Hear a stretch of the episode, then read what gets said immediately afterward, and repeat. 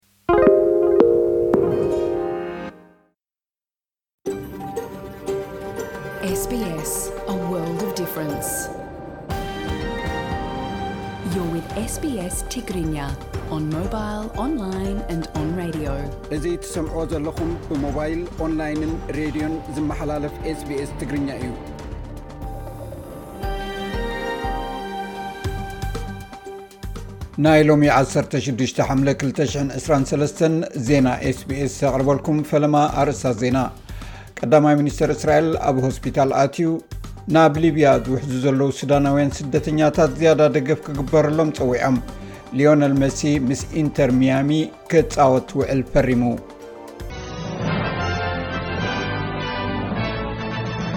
ቀዳማይ ሚኒስተር እስራኤል ቤንያሚን ናታንያሁ ኣብ እዋን ሃሩር ኣብ ገማግም ባሕሪ ድሕሪ ዘጋጠሞ ዋሕዲ ፈሳሲ ወይ ዲሃይድሬሽን ኣብ ሆስፒታል ንሓደ ለይቲ ደቂሱ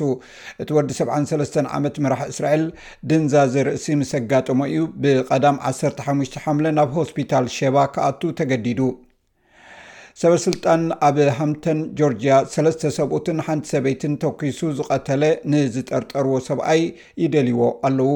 እቲ ኣንድሬ ሎንግ ዝስሙ ወዲ ኣርብዓ ዓመት ጥርጡር ዕጡቕን ሓደገኛን ከም ዝኾነ እዩ ዝእመን። መንግስቲ ኒው ሳውዝ ዌልስ እቲ ብካብ መጠን ንላዕሊ ፍጥነት ምዝዋር ዝወሃብ ዝነበረ መቕፃዕቲ ገንዘብ ካብ መወዳእታ ሚያዝያ ኣትሒዙ ብቴስዓ ሚእታዊ ከም ዝወረደ ገሊፁ። እዚ ዘመልክቶ መራሕቲ መኻይን ቅድምን ድሕርን ካሜራ ብተዘዋዋሪ መጠንቀቕታ ድሕሪ ዳግም ምትእትታው ቅልጡፍ ጽልዋ ከም ዝገበረ እዩ ዝሕብር። ኣብተን ዝሓለፋ ክልተ ኣዋርሕ ኣብታ ግዝኣት ከባቢ 6650 ገንዘባዊ መቕጻዕቲ ከም እተዋህበ እዚ ከኣ ምስቲ ኣብ 2022 ዝነበረ ግዜ ክነጻጸር ከሎ ልዕሊ 55 ሽሕ መቕጻዕቲ እዩ ነይሩ።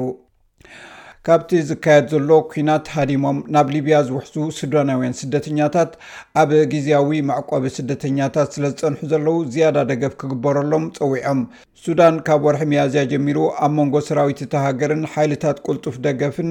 ወጥሪ ድሕሪ ምንጋሱ ኣብ ናይ ሓድሕድ ኩናት ተሸሚማ ዘላ ሃገር እያ እዚ ግጭት ልዕሊ 3,00 ሰባት ከም ዝቐተለ እዩ ዝእመን ፕረዚደንት ኬንያ ዊልያም ሩቶ ድሕሪ ሕጂ ኣንጻር መንግስቱ ዝኾነ ሰልፊ ከም ዘየፍቅድ ኣፍሊጡ ኣብ ኬንያ ስርዓት ኣልቦነት ክቕበል ከም ዘይክእል ዝገለጸ ሩቶ ካልእ ሰሙን ተቃውሞ ክካየድ ከም ዘየፍቅድ ገሊጹ ኣብ ዝሓለፈ ምርጫ ኬንያ ዝተሰዓረ ተቃዋሚ ፖለቲከኛ ራይላ ኦዲንጋ ኬንያውያን ነቲ እናወሰኸ ዝኸይ ዘሎ ዋጋ መነባብሮ ተቃውሞኦም ከስምዑ ይጸዊዑ ሩቶ ኣብ ኣውራጃ ናኩሩ ንደገፍቱ ኣብ ዘስምዖ መደረ ኣብ ሃገርና ኣብ ኬንያ ድሕሪ ደጊም ተቃውሞ ኣይክህሉን እዩ ዋላ እቲ ንሮቡዕ ክካየድ ተሓሲቡ ዘሎ ኣይከኣልን እዩ። ምርጫ ናይ ነቲ ሰልፊ ዝጸወዐ ተቓዋሚ ፖለቲከኛ ራይላ ኦዲንጋ ኣብ ዝሓለፈ ሸሞንተ ነሓሰ ኣብቂዑ እዩ። ብምፍሳስ ቀቲልካ ንብረት ብምውናን መራሒ ሃገር ክኽወን ኣይከኣልን እዩ። ንኬንያ ድማ በቲ ዝጀመርዎ መንገዲ ክቕይርዎ ኣይክእሉን እዮም ክብል ኣጠንቂቑ። ናጻ ሃገራዊ ኮሚሽን ሰብኣዊ መሰላት ኬንያ ኣብ እዋን ሰልፊ ንዝተፈጸመ ምዝማት፣ ዕንወትን ጭካነ ፖሊስን መርመራ ከካይድ ጸዊዑ ኣሎ። ኣብ መወዳእታ ስፖርት ሊዮነል ሜሲ ምስ ኢንተር ሚያሚ ክፃወት ውዕል ፈሪሙ እቲ ናይ ሜሲ ኮንትራት ብቀዳም ወግዓዊ ዝኾነ ልዕሊ ሓሙሽተ ሰሙን ናብ ክለቡ ክኸይድ ምዃኑ ድሕሪ ምግላፅ እዩ እታ ክለብ ኣቐዲማ ከም ዘፍለጠቶ እቲ ናይ ሜሲ ኮንትራት ንክልተ ወቅትን ፈረቃን ፀወታ ክኸውን እዩ